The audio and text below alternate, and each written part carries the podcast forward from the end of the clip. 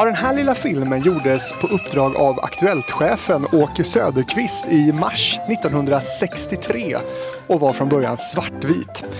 Den ursprungligen 28 sekunder långa filmen gjordes 69 48 sekunder lång för färg-tv och senare så sänds nu en nyare version i 16.9 format.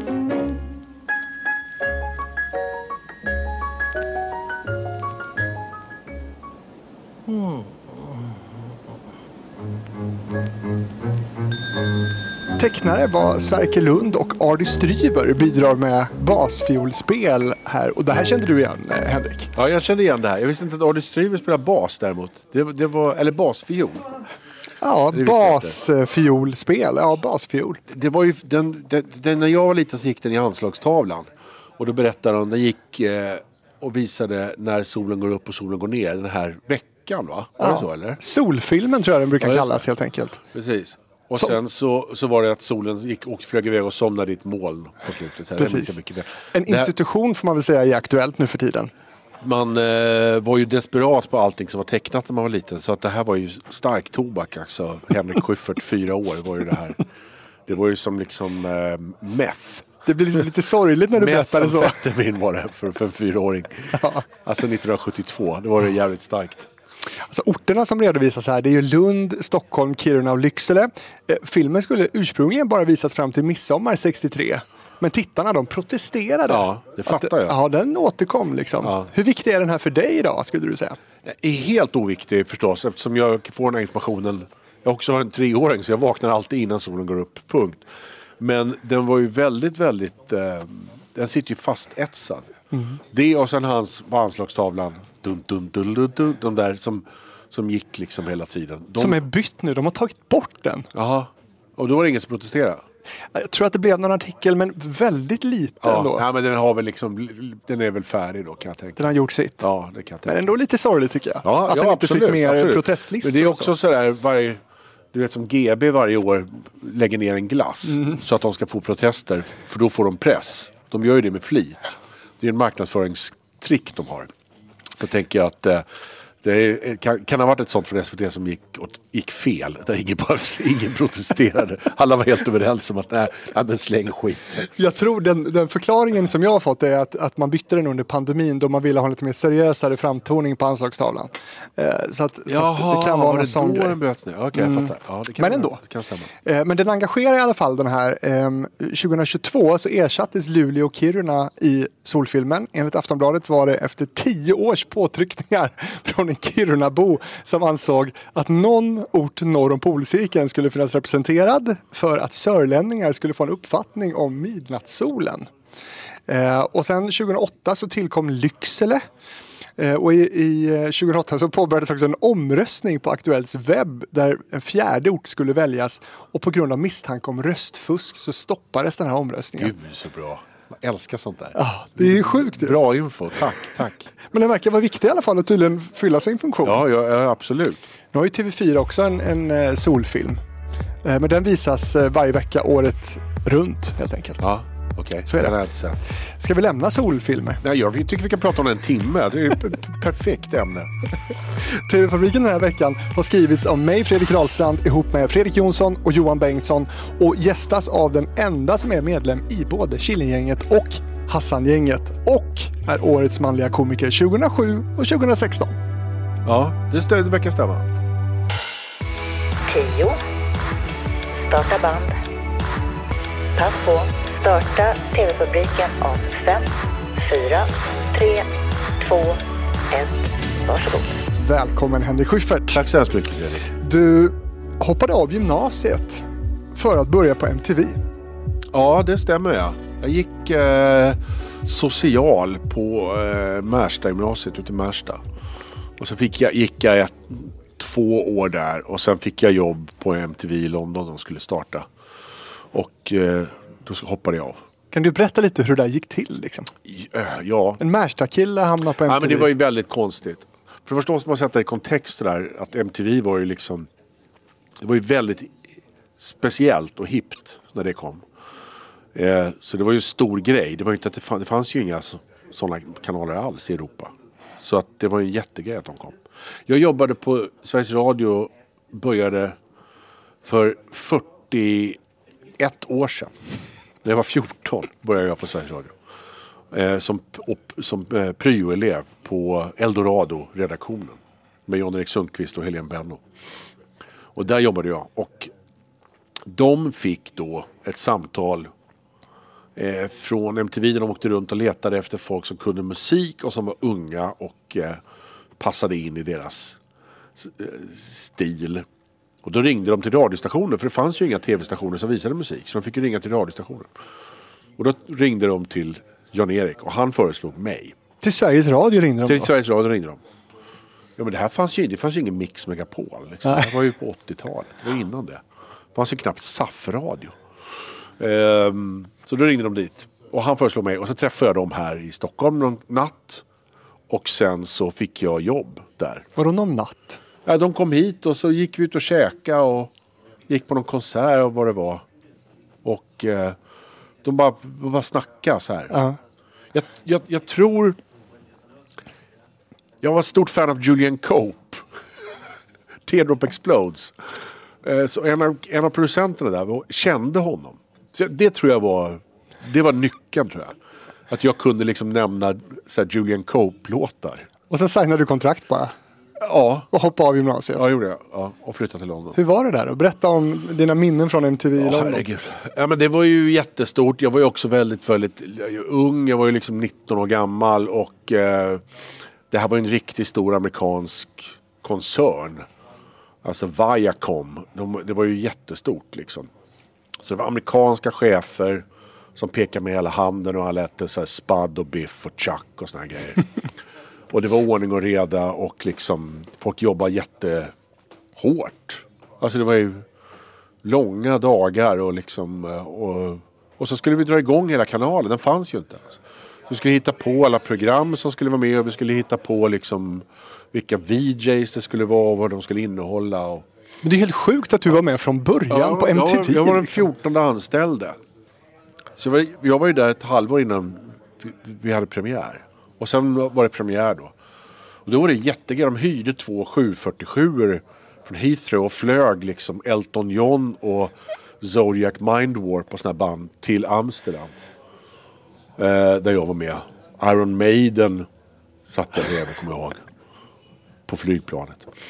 Och tänkte, att jag liksom förstår gått från Märsta till att man liksom sitter och flyger privatjet med Iron Maiden till Amsterdam. Men det, jag anpassade mig väldigt fort till det där. Och vad blev din roll där då, skulle Det du var säga? ju som produktionsassistent, alltså PA. Sån här. Så det var ju inget speciellt i det. Men de ville att alla de här positionerna skulle ha, komma från Europa. Att det inte skulle vara bara engelsmän som gjorde det här. Utan det skulle visa sig för hela Europa. Så det var, en, ett, det var ju som FN där.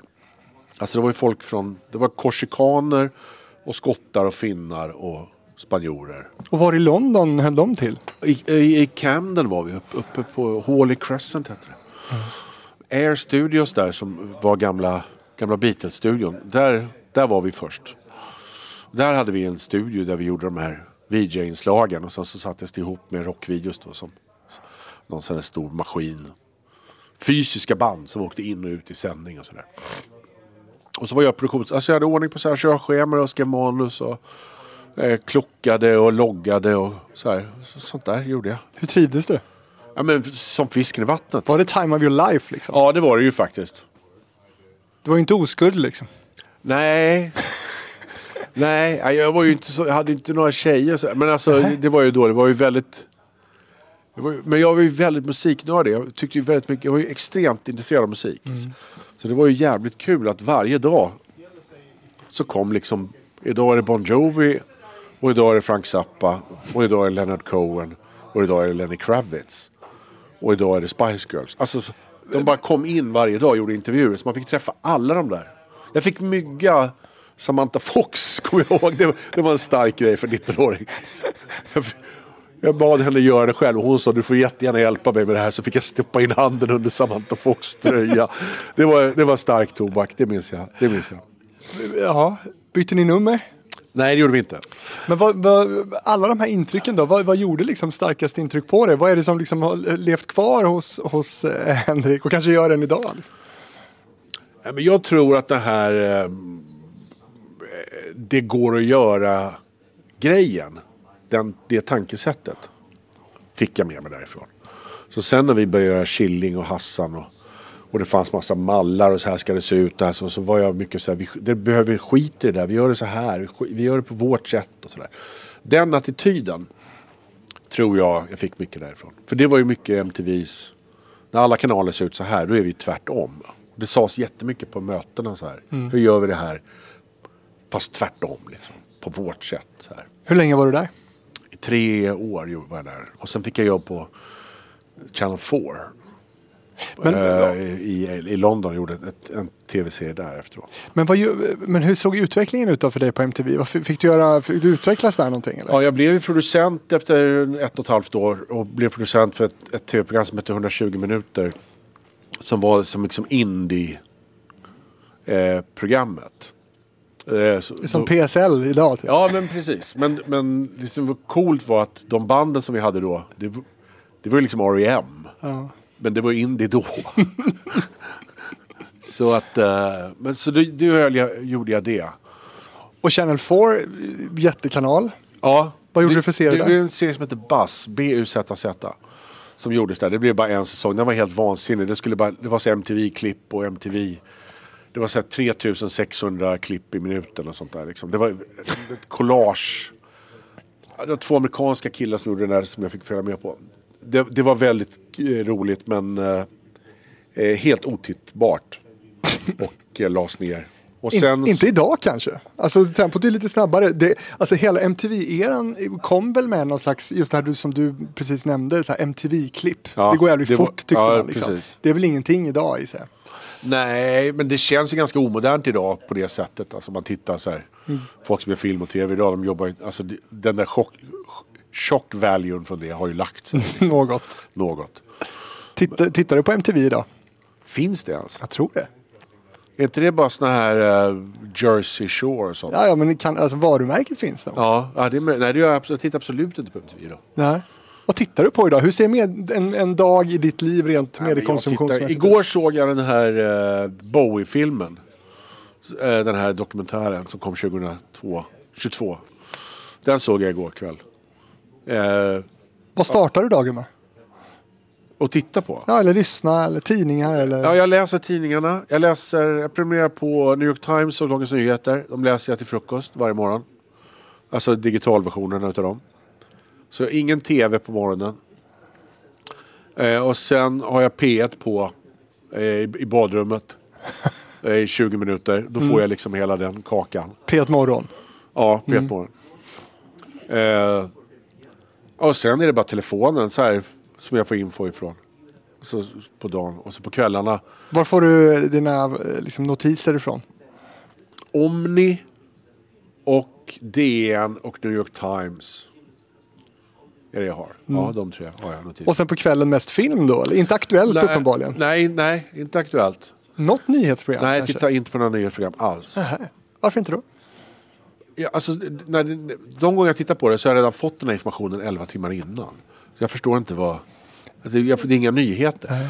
Det, det, däremot om det har hänt något på nyheterna som... Alltså ett reportage eller en intervju som folk pratar om. Och så här, det, då kollar jag upp det. Alltså i efterhand. Playar du? Ja, det gör jag.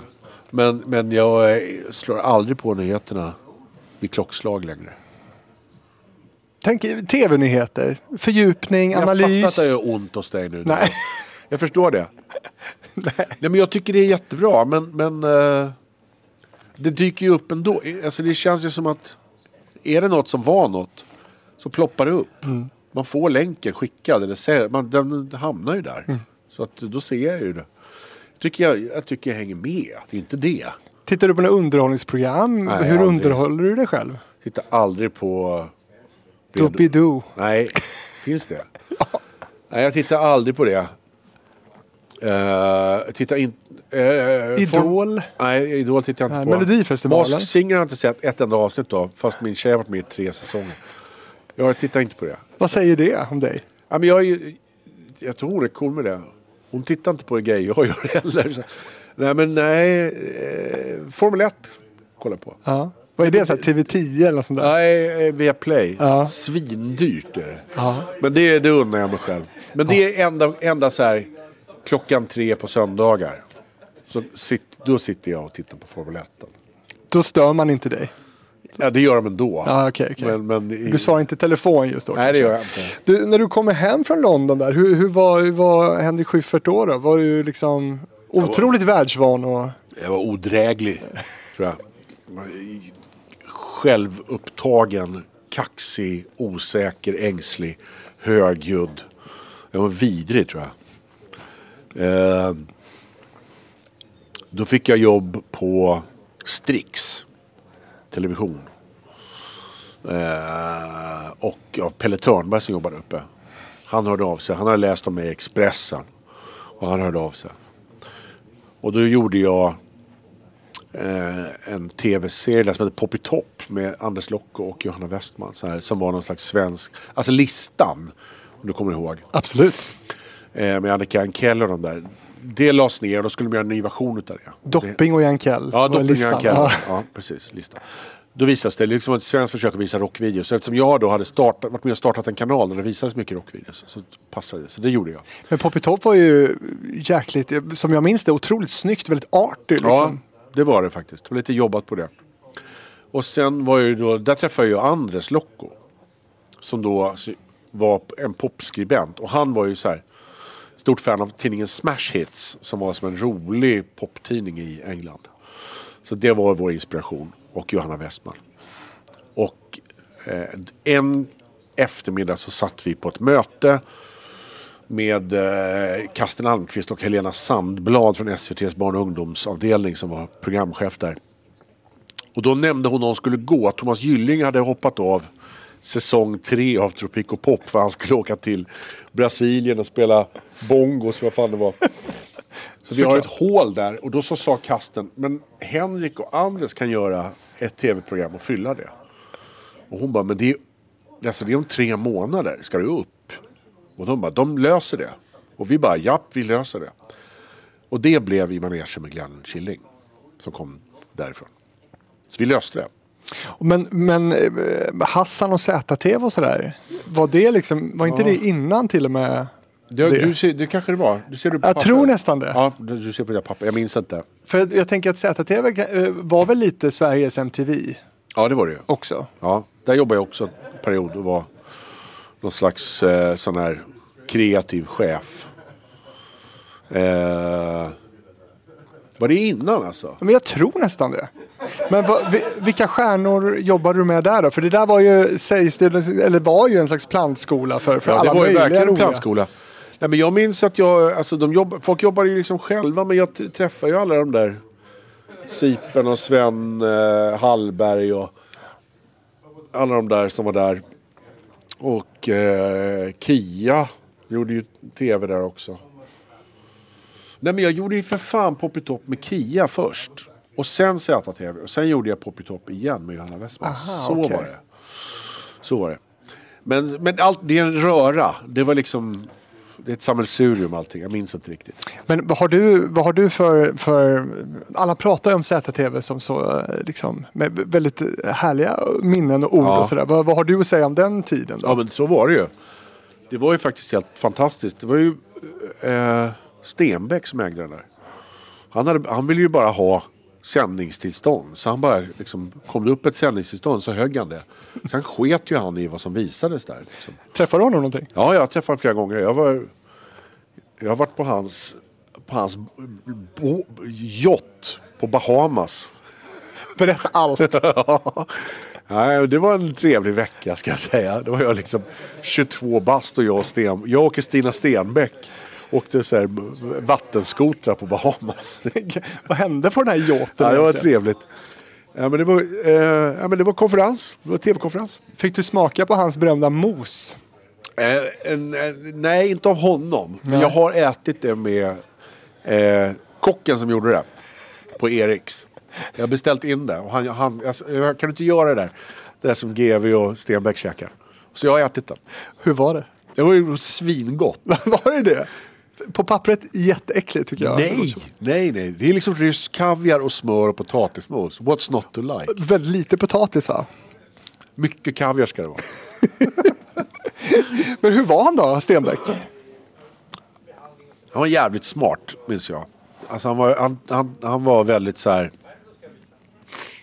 Så här var det till exempel, att vi hade en konferens. Han hade, massa, han hade TV3 och TV1000 och ZT, en massa kanaler. Så här. Och så skulle vi byta roller. Så att jag fick, som då, jag skulle vara VD för TV1000 liksom. I den här leken vi gjorde. Rollspel. Ett rollspel. Och så fick jag då, fick alla liksom en halvtimme på sig så presenterade jag så idéer om hur man skulle få med, man skulle slå ihop alla västernfilmer till en helg och bla bla bla. Och så sitter han längst bak och så säger han så här, jag ska inte lägga mig i. Och så kan han inte låta bli. Och sen när jag pitchat med grejer så säger han så här, men är det inte så här med de här filmkanalerna, att filmkanaler är som en sån där Alessi citruspress, du vet som ser ut som den där raketen i Tintin åker till månen. En Jättesnygg. sån är det. Man köper dem, men man använder dem inte. Är inte tricket bara att sälja på den här filmkanalen? Sen skitsamma vad den visar.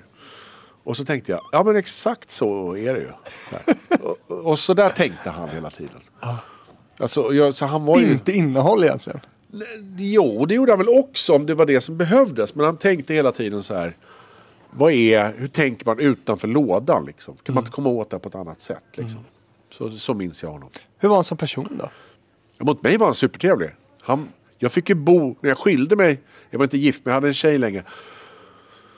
Och eh, då berättade jag att vi hade gjort slut och jag hade ingenstans att bo. Då fick jag bo i hans Gröna huset i Gamla stan. Fick jag bo gratis hur länge jag ville med gratis mat och frukost.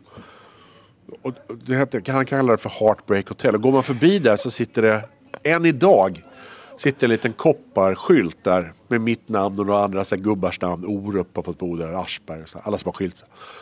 Vi som har bott där. Så står det Heartbreak Hotel. Det. Nej, vad är det här för adress?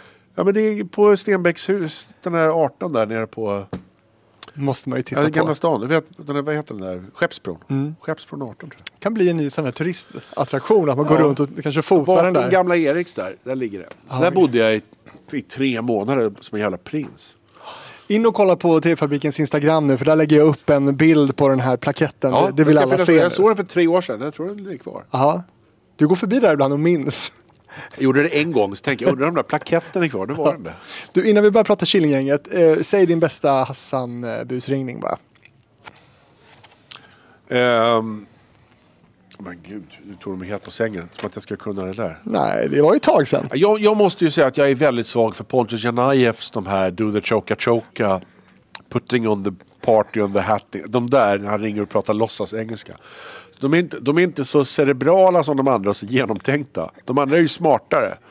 Jag blir alltid väldigt, väldigt glad när jag, när jag hör Pontus Janajevs de där. De, de tycker jag är stark, starka. Starkt material. Jag blir glad när jag hör Pontus Janajevs röst överhuvudtaget. Ja, Jävla radioröst alltså. honom. Vad gör han? Han är konstnär, det går bra för honom. Han, håller på, han har, kör sin egen konstgreja. Ja. Det rullar på. Men eh, har ni någon kontakt? Eller? Nej, så här lite, eh, eh, lajka varandra lite på Instagram sådär. Mm. Tyvärr, saknar honom. Du, det här med Killinggänget då, ska vi bena i lite nu. Du nämnde då i, i manegen med Glenn Killing som kom eh, 92. Den drivande kraften där i det där gänget, vad, vad var det skulle du säga? Alltså vad det var. Mm. Eller vem det var? Det sägs att det var du. Ja, men jag var nog eh, väldigt driv... Jag, jag satte ju ihop hela gänget. Så det måste jag ändå säga att jag var drivande i det.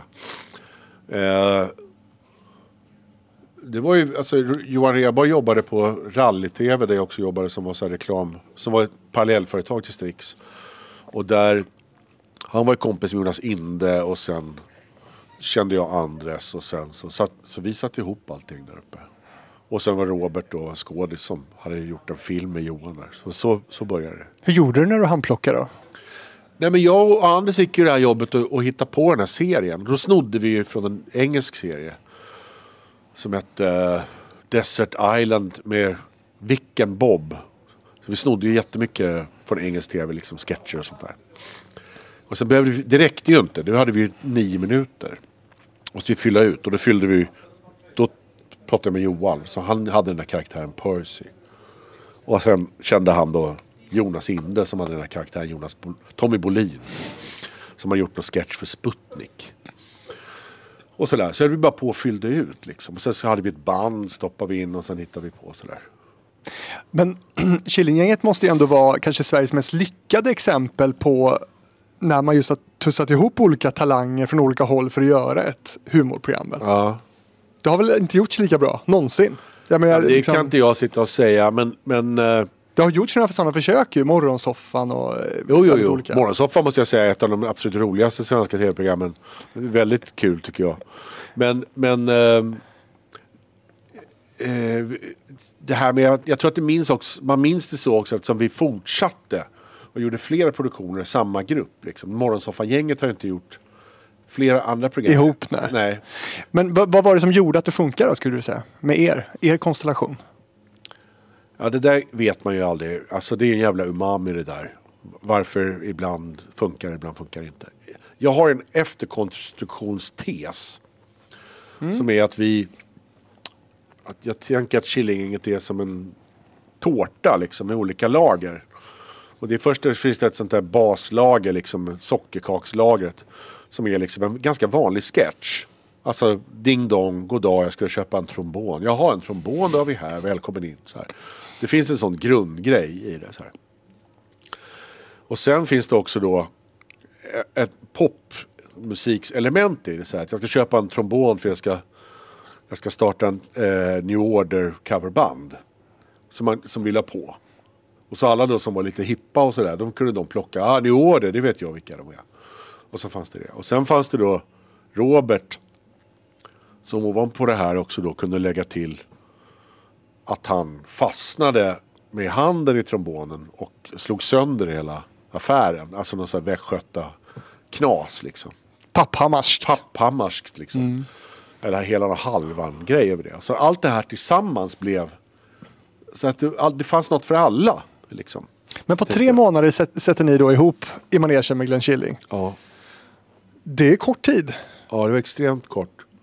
Vad, vad tycker du om resultatet? Jag har ju inte sett hela programmet. Det har du inte gjort? Nej, inte Nej. sen det sändes. Så det vet jag inte. Jag tror att det håller inte alls. Men däremot så blev det ju annorlunda. Och det var ju precis den MTV-tanken. Illen Göran föddes. Ja, det gjorde den. Till Det var en felhörning. Jaha. Jag och Anders satt och pratade om att man skulle göra sån här Dr. Dolittle-sketch. Och så frågade Anders, doktor Dolittle, ja, han som pratar med djuren, sa jag. Och då så sa Anders, partaja med djuren. Och då skrattade jag. Ja, sa jag, han partajar med en iller. Det var doktor Dolittles grej. Och så skrattade vi åt det för att det bara lät att det var en, en karaktär som festar med en iller. Så det var, det var det. Manuset stod bara det. Robert kommer in och partajar med en iller. Sen så fyllde ju Robert i den här gubben den här sorgen och att han var alkoholist och att det var hans enda kompis. Och det hittade Robert på liksom. När han skulle göra en karaktär utav Och det. namnet Göran också då. Uh, Illen Göran ja. ja. Ja det hittade nog vi på. Det. Ja. Det Men, men med blir ju namnet. fortsättning på det här. För det måste ju ha satt något eh, avtryck hos tv-cheferna. Eh, 93 Nej noll. Noll avtryck. Va? Det gick liksom halv ett på natten. Som första sändning. Första sändning. Gick efter någon sån här boktipset. Skitsent. Ninna, på tid. ninna, na. Nej, inte den. Inte Någon, den ännu, det var, jag minns det var någon same som satt och läste och sånt där skit. Det var liksom jättesent. Och det var ingen som tittade på det. Men. Och det blev sågat i tidningarna och folk tyckte det här kan de här killarna göra på pojkrummet. Inget då. Men sen så skrev Gunnel Törnander som var den tyngsta tv-recensenten som fanns då.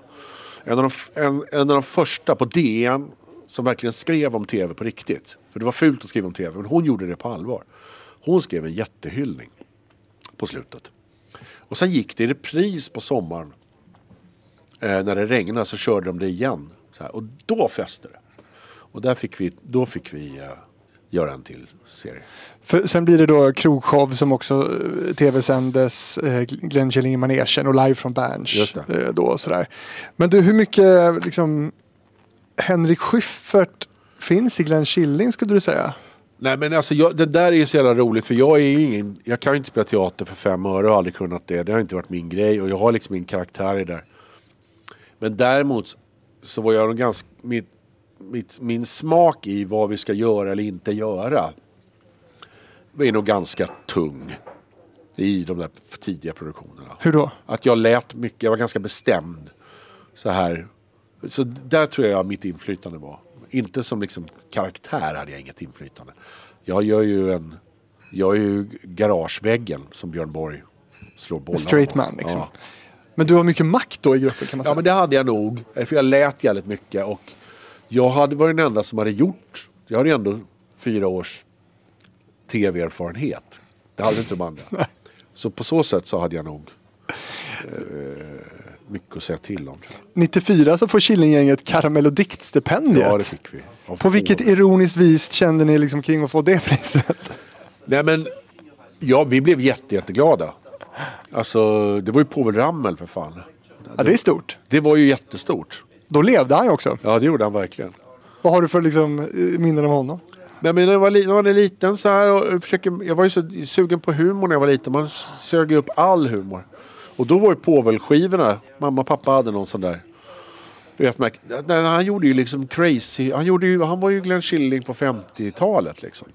Spelevink-gubbe. Ja, gjorde sån där lingonben och liksom allt det här knas. Var det tvålen och det här liksom. Det var ju bananas crazy humor liksom. Och det gillade ju vi också. Fast vi var liksom lakritsgubbar som kom in och sånt där. Och det såg han i er. Det såg han i oss. Och eh, tyckte att... Eh, han tyckte vi var... Han gick på alla våra premiärer och hejade på oss. Och var, han var skitfin. Så det var starkt att han såg oss tyckte jag. Så han var liksom i er loge och hängde bakom. Och... Ja, det var han. Träffade vi Povel. Och Magnus och Brasse kom in och skit på mig. Så starkt. Det är som att träffa liksom Led Zeppelin. Men det, och inte så konstigt kanske, för ni var väl liksom de eh, nya unga eh, liksom komikereliten som... som Ja, vi det var ingen väldigt- elit då. Nej men det blev det väldigt lätt tydligt att, säga. ni var liksom nästa generations... Ja, men det, det, så var det ju. Och sen var det ju också med flit att vi... Vi var ju väldigt emot det som var innan. Det här Åke Cato, helt apropå. Tack för kaffe. Ja, och det här man ska klä ut sig till liksom... I, i, eh, Rulle ja, och liksom massa politisk satir var det ju så här. Mm. Man ska härma Palme och sånt där liksom. Vi var ju emot allt sånt. Det fick absolut inte vara politiskt. Det får inte vara liksom... Det ska inte vara satiriskt, det ska inte vara vast. Det ska vara knasigt och det ska vara smalt. I att liksom Roberts gubbe heter LOL Tollhurst.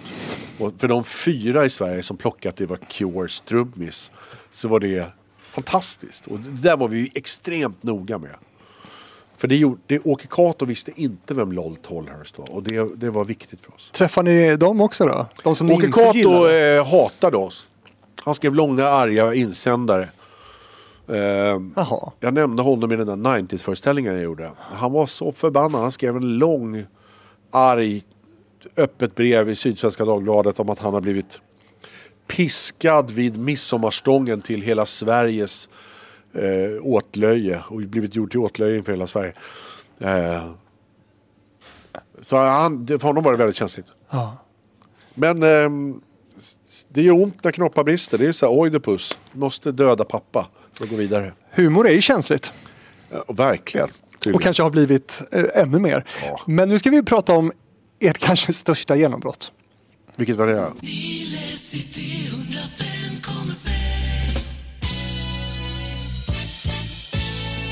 För mig var det Nile City. Ja, ja, ja, det är klart det var. Det var Ja. såklart.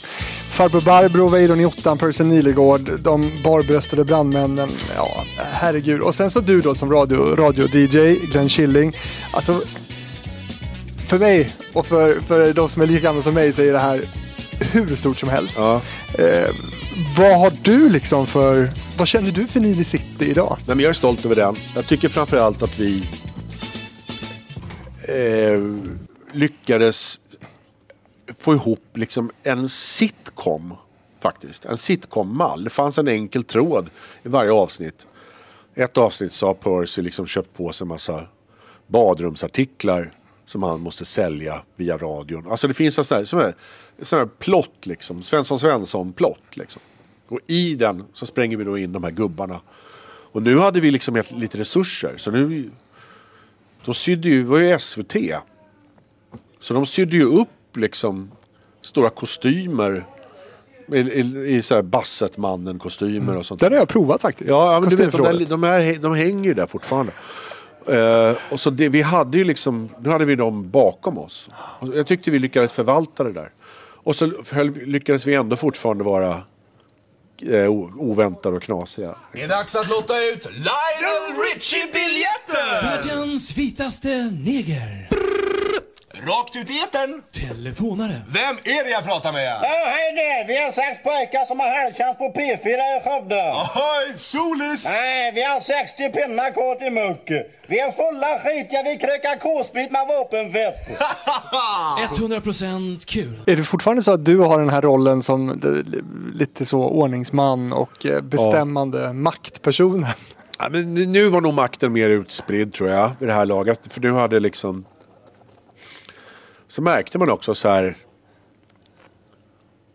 Fan vad duktig han är liksom Johan på det där. När han kommer med sin farbror Barbro-gubbe. Som älskar hiffi, ljudsystem och sånt där. Så fick man släppa honom. Så här, han har något. Man märker på honom så här. här vill, han, här är något han vill göra. Då får släpper man bara fram. Så här. Det finns inga genvägar fram till det perfekta ljudet du. Så nu var det nog makten var nog mer jämnt fördelad. Liksom. Ja. Och så var det också Walter Söderlund som var regissör för det där. Som tog uppgiften på stort allvar och gick igenom karaktärerna, hur de mår, vad de känner, vad deras viljor och sånt där. Ja, för vad, vad blev hans roll i det här? Ni kommer som ett humorgäng och har gjort grejer innan och sådär. Ja, hur, hur, hur förhöll han sig till er? Ja, men han hade det nog ganska tufft, tror jag. Vi var ju väldigt eh, bestämda och vi körde över honom ganska hårt och sådär. Men han var ju utbildad skådis, jobbade på Stadsteatern och sådär. Så han hade liksom ändå en eh, ett kunskap som inte vi hade. I hur en scen ska presenteras och sådär. Du kan inte säga det först. Det är ju den hemligheten, det måste du ju sitta på. Så, här. så hur larvig sketchen än var så måste den ändå ha byggstenar som sitter ihop och som funkar. Och det var han noga med. Och det gjorde att vi blev bättre. Men kände han sig överkörd tror du? Det tror jag. Uttryckte ja. han det eller? Det gjorde han. Hur tog Och- ni hand om det? Ja men dåligt. Vi, vår Killinggängens sämsta...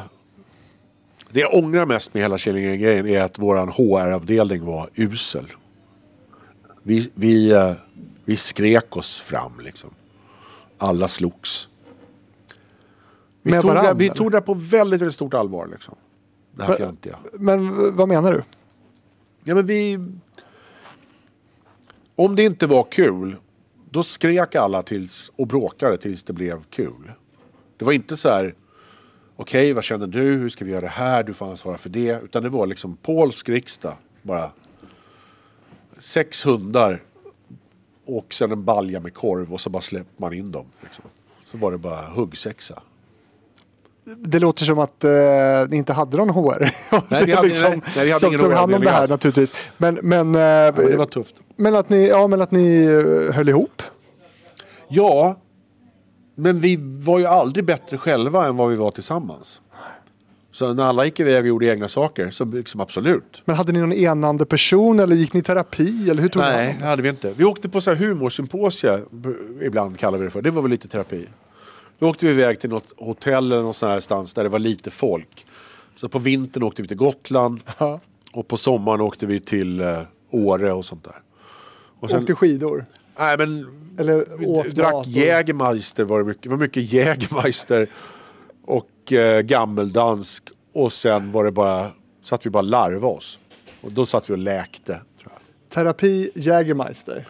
Men det kanske funkar? Det är liksom så här... Kortsiktigt gör det det. Jag skulle inte säga att det är en fungerande långsiktig process som är bra. Johan Rheborg nämnde du. Han, han har ju berättat att, eh, att eh, ni i Killinggänget var liksom både kaxiga och, och självsäkra och att det liksom överraskade eh, både honom och de andra att, att det ändå blev så populär och folklig serie det här. Ja. Varför då? Nej men vi siktade ju inte på att bli folkliga. Vi tänkte ju inte så här. Jag minns vi satt i möten med SVT-chefer som satt och pratade målgrupper. Och så här. Då bara satt vi och skrek liksom. Det finns ingen målgrupp så här. Du kan, säger du, då, då hoppar vi av och så här. Det är vi som är målgruppen. Om vi tycker det är kul då gäller det. Vi är lagen. så här Judge Dredd. I am the law. så, så resonerade vi. Men, men, och sen så blev det då en chock att, att det här funkade så bra. Ja, absolut. Det Men var det det folk skrek efter kanske? Det smala, det, det som inte Ja, men det var ju inte smalt visade det sig. Jag försöker förklara med den där liksom, teorin med det här att det är buskis och det är sketcher. Det är det. Sitcom. Men, men alltså, det är iklädd någon slags smal kostym. Som är liksom lite vass. Eh, och sen att vi, du vet, vi spelar liksom sån här whipped cream, sån musik som ingen lyssnar på. Sånt där. Liksom, men det hade ingenting med sketcherna att göra. Men det kändes som att det var smalt då, tror jag. Men, men det förvånar er inte då att det blev en sån kultserie eller? Nej men vi var så självtalande så för oss var det helt självklart att det skulle, att det skulle bli störst. Nej men, jag vet inte. Det bet oss i arslet sen när vi skulle fortsätta. Då märkte vi att det där var svårt att göra om. Liksom. Hur ofta blir du påmind om, om Nile City idag? Typ tre gånger i veckan. Hur då? Var då? Ja, men alltså, man får något klipp skickat till sig eller någon säger någonting eller någon eh, eh, eh, kommer fram och ska tacka för det och sådär. Alltså det, det är fortfarande... Det är, man märker att det var starkt. Har du nått en yngre målgrupp också? Det ligger väl på play säger jag nu och sådär. Ja, alltså det snurrar ju runt sådär ser man på så Instagram och sånt där ibland. Så att eh, det, det gör, jo lite så kanske. Men alltså, det är ingenting vi eftersträvar. Jag tänker hela tiden att humor är som mjölk. Det är kort bäst före datum liksom. Det ska det vara. Hur kom ni på namnet Nile City då? Alltså Nilegård. Och sen fanns det ju, precis då hade de släppt upp alla de här radiokanalerna. Alla hette något med Radio City. Ja. ja. Och så blev det Nile City. Så så var det. Helvete som är... Hallå, vem är det som ringer? Ja, god morgon, god morgon, god morgon, god morgon. Välkomna till Väronota, Nile City 105,6. Vem är det jag tjötar med? 105. Är det radio? Ja, visst fan är det radio. Vem är det jag tjötar med, frågar jag. Eh, Aron heter jag. Okej, Arnold, välkommen. Eh, Nu är det klockan halv fyra, dags att värma upp frontlastaren. Okej, Arvid, hur har du nere i gruvan då? Va? Gruvan? Ja visst, du är la gruvarbetare. Du, om du var ordningsmannen i gruppen då, vad hade de andra för, för roller skulle du säga? Ja, men alla var ju... Vi var ganska likvärdiga. Att alla var, alla var manusförfattare. Jag och Robert skrev nästan alla våra sketcher tillsammans själva. Johan och Jonas skrev sina grejer och Anders skrev liksom... Eh, och sen Martin Lok då som kom in i Nile City. Så vi, det, det var våra roller. Eh, sen var ju Johan och Jonas och Robert också skådisar. Att de gjorde liksom karaktärer och sådär. Du, Men jag satt också mycket i klippningen efteråt och sådär. Och det intresserar dig? ja. Och såg till och gjorde trailers och sånt där. Det gjorde, höll jag på med. Så här. Körde över stackars Walter, satt och skrek i klipprummet. Vem var du egentligen? Ja, men jag var väldigt bestämd. Jag, jag hade en känsla för vad det skulle vara. Som jag var väldigt, väldigt trygg med. Att liksom... Klipp ut här. Men sketchen är inte klar. Men här är det, bara skit i det. Bara klipp här. Så går vi bara på nästa. Så, så där satt jag. Och det tror jag var de här MTV-åren. Liksom. Men du, var det någonting, alltså succén till trots då får man säga, är det någonting i serien du liksom är missnöjd med? Som du inte tycker blev så bra? Alltså, all humor som är 30 år gammal tål inte dagsljus idag. På grund av att eh, världen har gått vidare och blivit klokare. Så det är ganska mycket grejer som vi säger och gör där som man inte kan säga idag eller göra idag. Men det ber jag inte om ursäkt för. För när det gjordes så var vi innanför de rådande gräns, gränserna. Då var det okej att säga de sakerna och ha de referenserna och sånt där. Vad tänker du på konkret? Ja, men det, det spelar ingen roll, för när jag säger det nu så kommer det liksom bara låta som att det... Eh, för det är ord man inte säger och det är eh, referenser man inte drar idag. Med all rätt. Men man kan inte gräva upp all humor för 30 år sedan. Eh, tål inte dagsljus idag. Så funkar det. För gränserna förflyttas. Men det är inte vi som har flyttat på gränserna. Det är samhället som har flyttat på gränserna. Är det bra eller dåligt? Det är bra att det görs.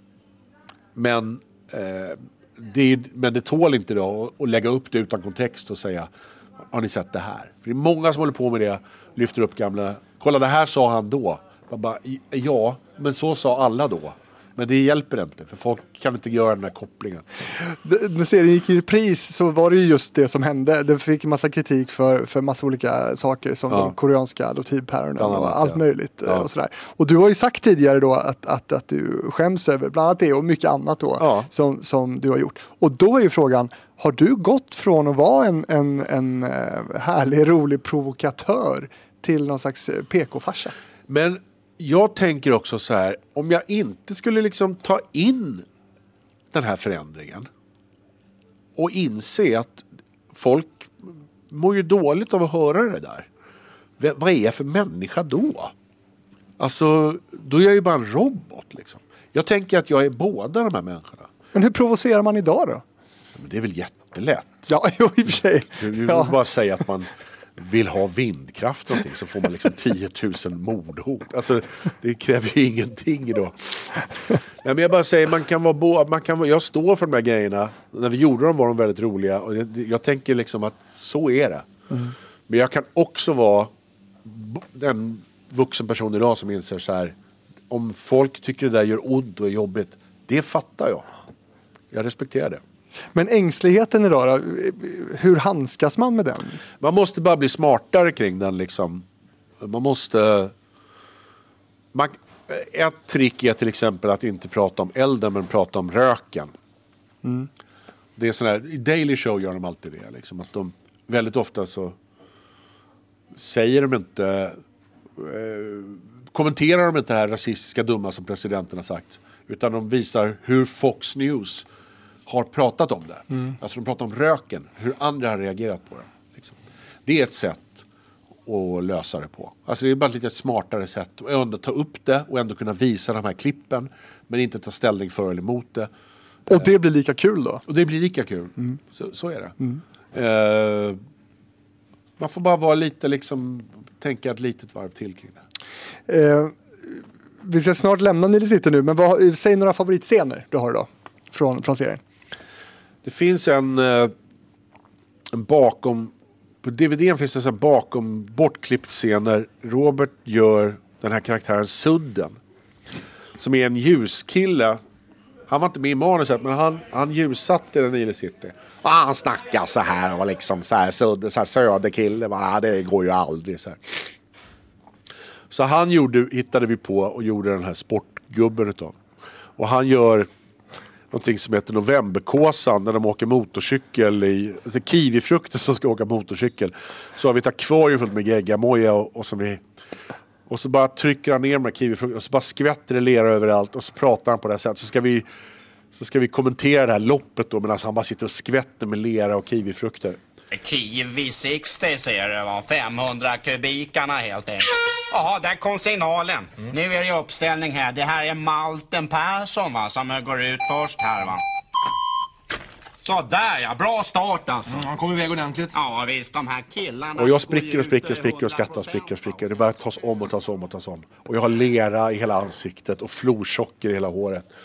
Och jag försöker bara hålla masken. Det var nog, jag nog all, den dag i livet jag skrattade mest. Jag inget på min dödsbädd och tänkte, vilken dag skrattade jag mest? Det var det nog när vi skulle filma den där jävla novemberkåsan tror jag. Men det var en bortklippt scen alltså? Nej, den är med sen. Ja. Den finns med. Den som vi lyckades få ihop finns med. Men det finns en, en bortklippt scen där alla de här misslyckade tagningarna är ihopsatta. Men det, mycket, det borde ju vara mycket sådana situationer under inspelningarna där ni bara spricker. Ja, är men liksom- också vi var ju väldigt så här, organiserade och noga och repeterade och sådär. Så. Men det är klart, framförallt när det blir så här att det ska sprutas snor och grejer i munnen, det ska vara så här geggigt och sånt där. Då är det lätt att det blir fnittrigt. Eh, Precis som Macken så blir det bara en säsong med sex avsnitt Ja. utan jämförelser i övrigt. Då. Men, Precis. men eh, varför blev det inte mer? Ja, vi var väldigt noga med det här att vi ska inte göra, göra flera säsonger. Av, allting ska göras en gång, sen ska vi hitta på nytt. SVT gissar jag ville det. De ville det. Men vi sa nej till det. Men Macken är ett bra exempel. Det är ju en klassisk tv-serie, tror jag också på grund av det. Fawlty Towers, en säsong. Alltså jag tror att eh, folk mjölkar det där. Alltså först engelska The Office, två säsonger va? Två säsonger och julspecial. Sen var det klart. Eh, det blir ju något lite speciellt då när det inte finns fler. Det har någonting. Men du gillar macken låter det som. Ja, jag minns, alltså jag älskade Macken när det kom. Vad gillar du med den? Var, det var roliga de där gubbarna och sen de här låtarna. Så jävla bra musik. Mycket bra låtar var det. Eh, Och jag brukar säga att jag aldrig känt pappa så bra som jag gör nu. Ja, vad tycker egentligen svenska musikers barn om sina föräldrars musik? När jag gör musik med honom idag, det är, det är helt otroligt hur väl hans röst har alltså, hållit genom åren. Det, det tycker jag är jättekonstigt. Jag har låtit Uno Svenningssons son, Mark Bili, få välja ut sina favoritlåtar från sin pappas stora musikskatt. Nu är det lite pretentiöst kanske, men jag vill ju skriva till eh, världsstjärnor ändå. Jag tror att jag har potential att kunna skapa musik till de, till de absolut största stjärnorna. Hej, det är jag som är Mark Bili. Du hittar programmet Min pappa Uno Svenningsson på Spotify och andra poddplattformar. Sök på Hitfabriken.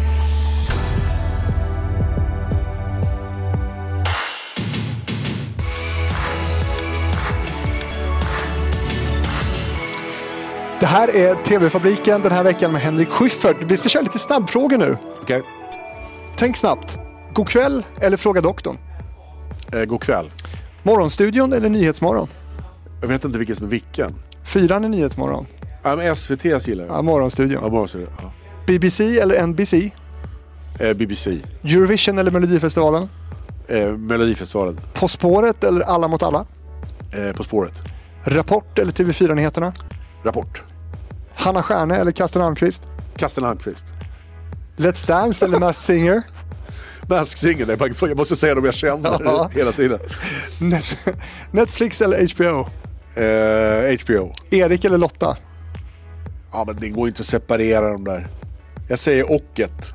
Erik och Lotta. Reborg eller Gustafsson då? Går de att separera? Nej det går inte att separera Nej. heller. Det går inte. P3 eller Mix Megapol?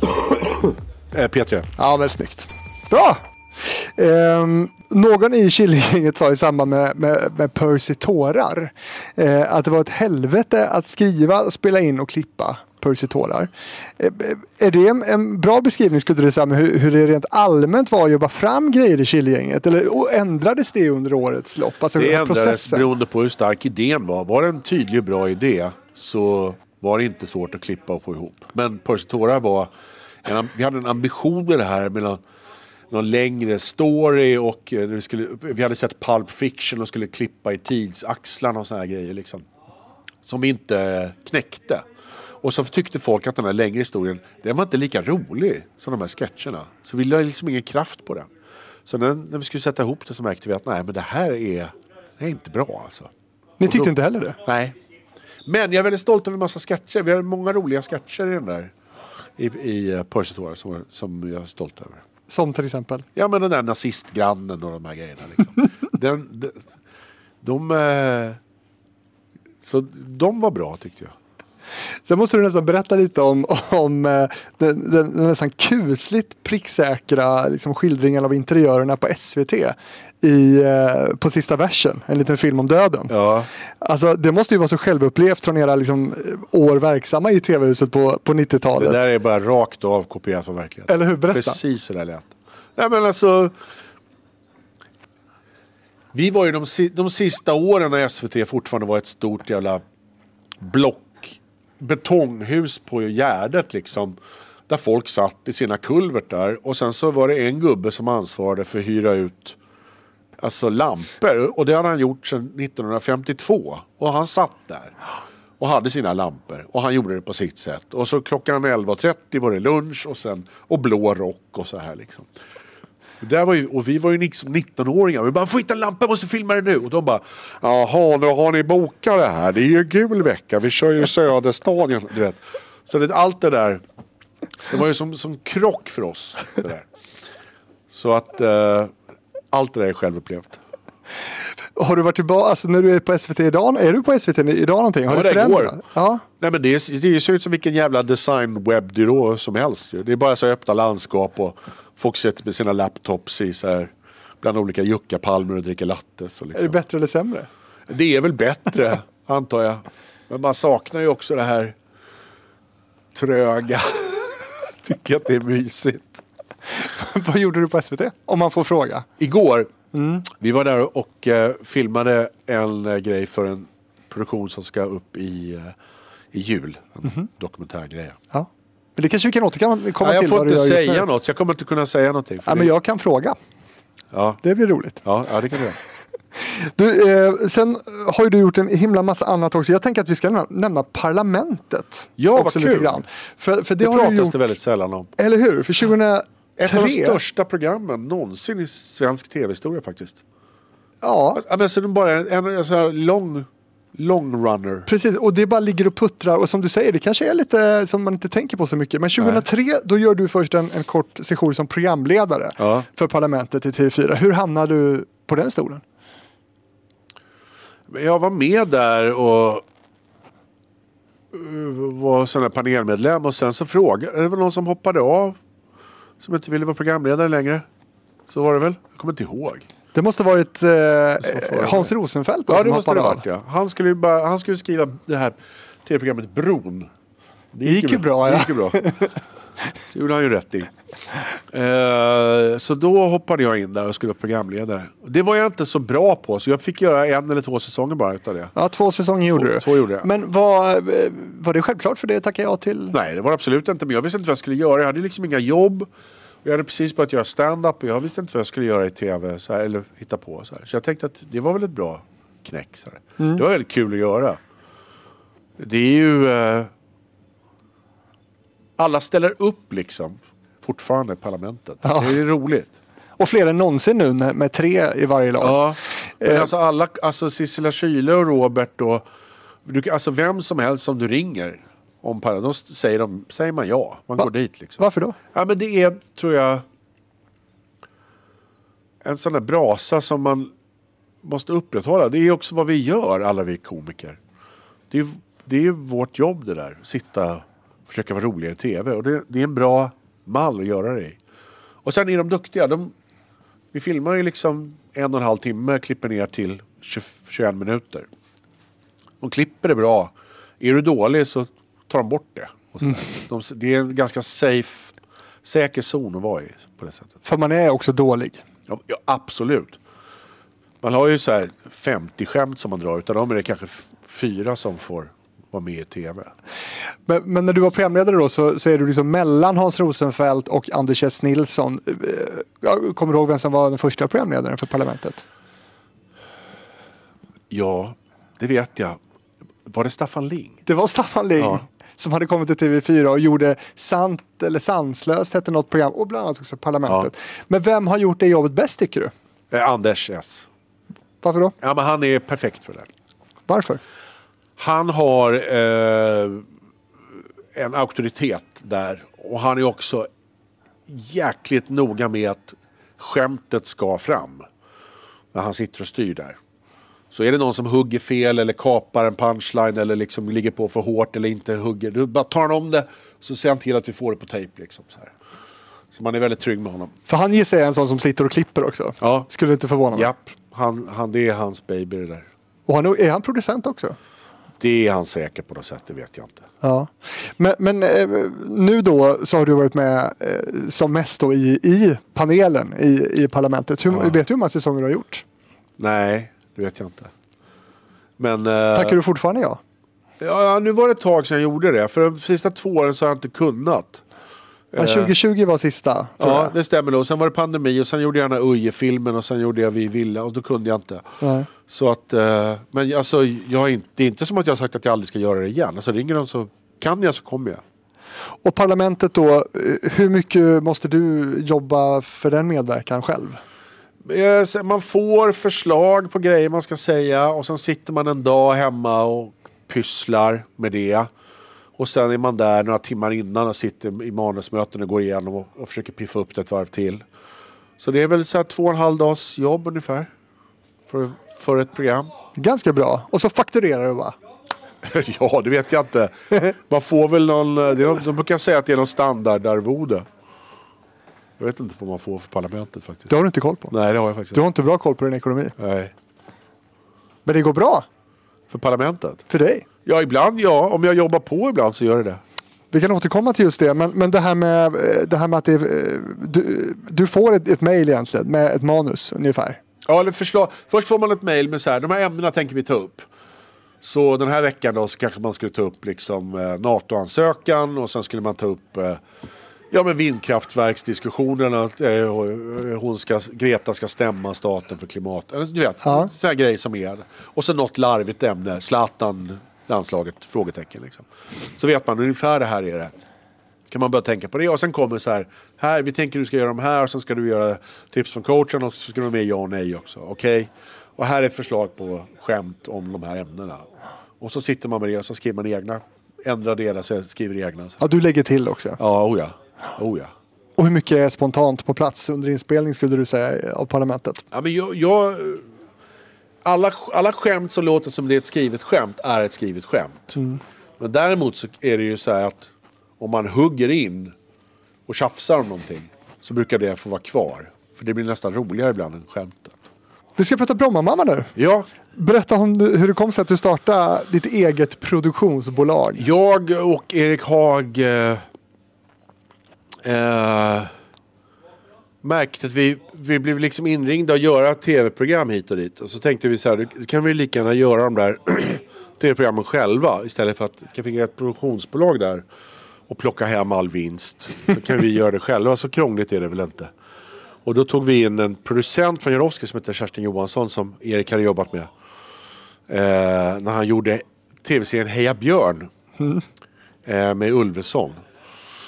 Eh, och... Eh, eh, så vi tre var det som var Bromma-mamma.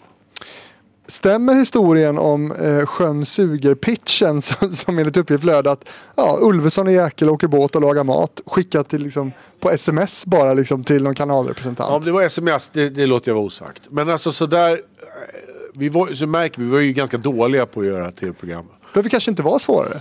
Nej men vi tänkte att just en sån där grej var ju inte svårare. Och det var ju på den tiden när så fort du lagade mat så fick du och det var någon kändis som ville laga mat så, så, så fick du göra. Och rakt in i Så bild. skulle det sändas i tv. Så att eh, på, på, det, så, på så sätt var det ju precis så. Men det var ganska många pitchar som var ett sms bara. Ja, men det, så kan ju inte andra produktionsbolag hålla på. Jo men det kan de nog i viss mån. Kan de verkligen det? Men vi var ju också så jävla oseriösa. Vi hade ju ingen så här programutveckling och vi åkte inte runt och eh, pitchade. Och vi hade inga så här... Vi hade, ingen, hade aldrig kontor utan vi hade liksom bara telefonerna. Vi hade, inget, vi hade inga anställda liksom. Det fanns ingenting. Det var bara vi tre. Och, och det funkar, det låter ju billigt. Ja men det var ju det som var tricket. Att vi gör det så här liksom. Vi gör billiga produktioner, enkla grejer med folk vi känner. Ofta är vi med själva. Men var de billiga också eller var det att ni Ja, fick mer i de nog. fickan? Liksom?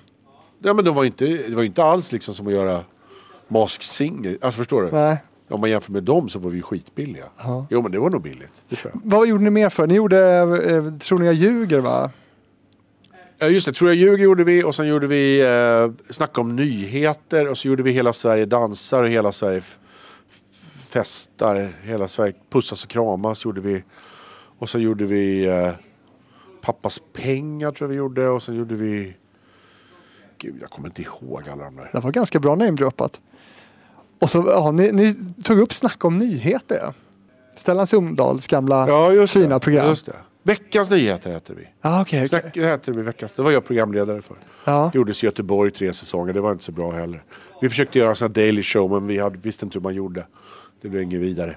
Alla vill göra någon sån här daily show. Ja, så det, så men det ingen har lyckats riktigt Nej, bra. för det är så fruktansvärt svårt att göra det. Jo men de har lyckats. Alltså nya Svenska nyheter. Tycker Ja. jag har lyckats. Ja, De har fattat det där. Är att man ska, ska man göra ett sånt där program så ska man i grunden ha journalister. Och sen lägga på skämtet. Mm. Inte ha skämtare och sen försöka hitta journalistiken det. Så det tänker jag, de, det, det blir bra, Svenska nyheter. låter som att det är ett program du tittar på. Nej, Nej, men jag ser- tittar på klipp. ja, just det. Du, eh, men med Brommamamma då, var det någon speciell produktion som gjorde ändå att det blev sta- som startskottet för produktionsbolaget? Eller eh, var det egentligen bara att ni Jo ville det var det producera då. Jag kan för mitt liv inte komma på vilken det var. Men det var nog att vi skulle göra en produktion och så tänker vi vi gör den själva. Liksom. Ja. Landet Brunsås, var det vi? Nej, det var det inte. Det var Thelma och Louise. Ja det var det ja. Just det, så var det. Men det var... Det 2010. Var, ja, det var väl i de där... eh, det var ju de... Ja. Men, det, någon produktion var det, jag kommer inte ihåg vilket. Hur var det att driva bolag med Erik Haag då? Jo, men det var bra. Det, alltså, det var ju Kerstin som skötte alla de där driva bolagsgrejerna. Ja. Vi hittade på och åkte runt till olika möten och eh, var roliga. Men det här som du nämner då, att, ni liksom, att det var ändå lite lösa boliner, att det var, ni hade inget kontor och liksom... Vad säger det om er ambition? Jag tänker att det liksom är lite motsats till typ Filip och Fredrik. Eh, verkligen. och- Som har liksom... Men de är ju, alltså Felix och Filip Fredrik och de där, alla de här F-killarna. De har ju ambitionen att driva bolag på riktigt. Det hade ju inte vi. Utan det var ju bara ett sätt. Om vi ska göra produktioner där vi ska vara med eller som vi har hittat på. Varför ska inte vi göra dem istället för? Det var ju bara därför. Och, och hur är liksom status idag då? Har det runnit ut i sanden? Ja, det har det nog lite. För vi har inte... Det finns fortfarande. Men alltså vi, vi har inget där som vi gör just nu. Är det något du, du vill göra? Nej. Nej. Det är ganska mycket jobb och inte så kul. Det är väldigt mycket möten som jag slipper gå på. Det är skönt. Vilken roll skulle du säga att vi har i, i liksom tv-Sverige och landskapet Jag vet idag? inte ens om jag har någon roll längre. Jag är väl liksom, folk är ju livrädda. Jag är väl för politisk för folk. Nej, men jag vet inte vad jag har för roll längre. Är det stand-upandet som har gjort att, att, eh, att du har fått den stämpeln? Ja, det är det nog tror jag. Eh, och sen är ju det, det är det jag tycker är kul. Regi gör jag ju nu. Jag regisserade Vi Villa, regisserade Uje-filmen, regisserade Allt faller. De här. Det tycker jag är kul nu. Jag ska regissera Solsidan här nu. I april. Och sen uh, stand-up. Låter som att du har en ganska betydande roll ändå inom svensk Ja, tv. kanske det. Men vill du säga någonting om Landet Brunsås? För, för, för den kom ju 2010 och, och var ju också en jävla snygg produktion. Ja, det alltså. var det. Eh, Det var ju Karin och Klintberg ja. gjorde det. Och då var det du och Erik och Lotta Japp. ihop liksom. Och ni Ja. hade era olika roller där. Ja. Vi läste någon Och Lotta var Lotta kvinna. skrev liksom någon blogg eller mat och som vi tyckte var så jävla bra. Och så kom vi på att vi skulle göra, det var också det där alla vill göra mat liksom. Hon hade så roliga tankar kring det här med mat och det. Så egentligen ville vi bara att det skulle vara hon. Men då så sa de att om ni två är med också, då gör vi det. Så då fick Erik och jag vara med. Och så blev vi någon slags Magnus och Brasse och Eva liksom. Verkligen. Men vi tänkte det, att det var, vi försökte tänka så hela tiden. Och då gjorde vi det här, Landet Brunsås två säsonger. Som var liksom ett, ett tidigt sånt där infotainment, information. Jag tror värsta språket var väl det första riktiga. Ja, det, det kom var, ju ett gäng då. Ja, men Fredrik, det var ju också Karin som gjorde det. Hon var ju infotainment-drottningen. Så när värsta språket kom och det här dialektmysterier och sånt där.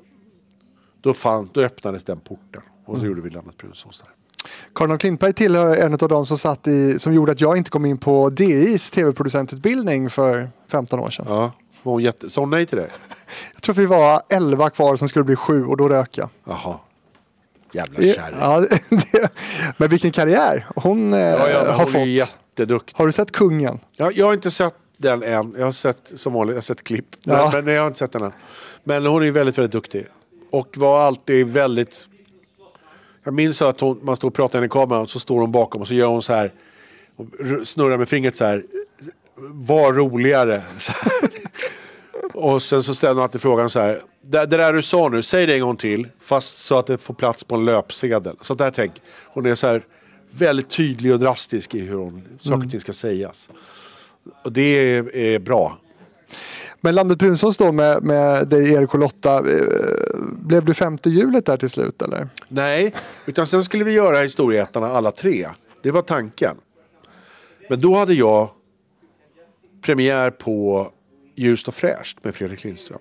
Så vi hade precis haft premiär på den. Och fick liksom femmor i alla tidningarna och skulle åka på arenaturné i ett år. Och det gick inte att få ihop. Och då var jag tvungen att välja. Och då valde jag Ljust och fräscht. Istället. Så Var det rätt val? Ja, alltså det är klart det var. Men alltså jag, jag hade jättegärna gjort båda. Mm. Historieätarna var ju fantastiskt.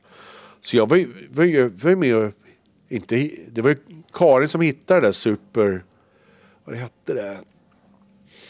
Det är ett engelskt förlag som heter Super Savers eller något sånt där.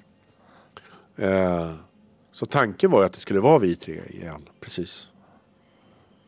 Finns inga svenska originalidéer? Nile City. Ja, det skulle vara det. ja, men det finns väldigt få sådana ju Ja. i alla fall. Ja. Allt är gjort liksom. Ja. Och du tittar bara på klipp. Ja. Ser inget. Vad säger det om tv-landskapet idag? Ja, jag vet inte. Jag tycker... Ibland sätter jag mig och tänker jag ska titta på den här som alla pratar om. Och så tittar jag 20 sekunder, eller 20 minuter och så bara... Nej, vad tråkigt det här är. Uttråkad. Ja, vi tycker det är så tråkigt. Är det sämre tv idag än Ja, men jag tror också att jag är helt skadad. Jag tror det är mycket jag. Som bara ser. Och nu kommer det. Jaha, och nu kommer den, nu kommer den eh, utsatta eh, tjejen med utländskt ursprung och löser polisens... Du vet, man bara, man bara ser det liksom. Är- Yrkesskada. Ja, jag tror att... När man ser dig i tv nu för tiden, då är det i reklam. Ja, jag har gjort reklam nu ja. Precis. För eh, Tibber, Tibbler. Tibber heter Tibber. det. Alltså el, elbolag. Ja, just det. Ja. V- v- Varför gör du det? Ehm, ja, men ett för att eh, jag hade inga jobb efter pandemin. Jag hade liksom fan inte jobbat. Så jag var tvungen att göra något slags jobb. Och sen var det då Anders och Daniel som var Thelma Louise. De gjorde de där, skulle göra de här filmerna. Och då, de är ju, som gjorde liksom Historieätarna. Eh, så, och gör den här SBAB-reklamen med Erik och Björn och Nor och där. Ja, just det. Ja. Så det är samma gäng. Så jag tänker att de är duktiga. Och sen så träffar de här människorna. Så så vettiga grejer de gjorde. Så här. Att man kan spara el på ett smart sätt. Och det var, allt bara kändes så vettigt. Så tänkte jag så här, men det här gör jag fan. Det var roligt. Kul, bra och roligt. Och vad, vad kostar du? Eh, Det kommer jag absolut inte berätta, för det får jag inte berätta. Nej. För det är så här papper som man får skriva på. men jag gissar att det handlar om eh, liksom, betydande summor för att du ska låna ut både dig, eh, ditt face och ditt namn till det där. Ja, det är klart det ska vara dyrt när man gör reklam. Ja. Det tycker jag inte. Annars hade du inte gjort det såklart. Nej, det hade jag inte gjort. Nej. Ditt aktiebolag, Ja. det går väldigt bra. Ja, viss, ja, ibland gör det det. En succéhistoria, kan man kalla det det? Ja, det kanske man kan göra. Omsätter runt 5 miljoner om året. Du tog ut en vinst på 15 miljoner i, i förra året. Det är ju fantastiskt. Ja, Vad gör du med alla Varför pengar? gjorde jag det? Ja, vad har- jag, köpte ju loss, jag köpte ju loss lägenheten. Det, var, Ah, det är okej. ju sån där, det är inte att jag plockat ut pengarna och nu har jag 15 miljoner i cash. Det har flyttats över mellan någonstans för att jag skulle, jag hade lägenheten på företaget, skulle jag ha en privat, något sånt där grej var det. Så då ser det ut sådär. Mm. Men vad är mest lukrativt för dig egentligen? Är det att göra de här reklamgrejerna egentligen? nej, nej, nej, nej, nej, nej, nej, nej. Alltså det är ju... Stand-up-turné. Ja, alltså det är enda som funkar för mig. Det är att stå, åka runt i lader och så ta 300 spänn i dörren. Det är liksom funkar för mig. Jag känner, Men är det mest lukrativt? ja, Jaha, ja det är det.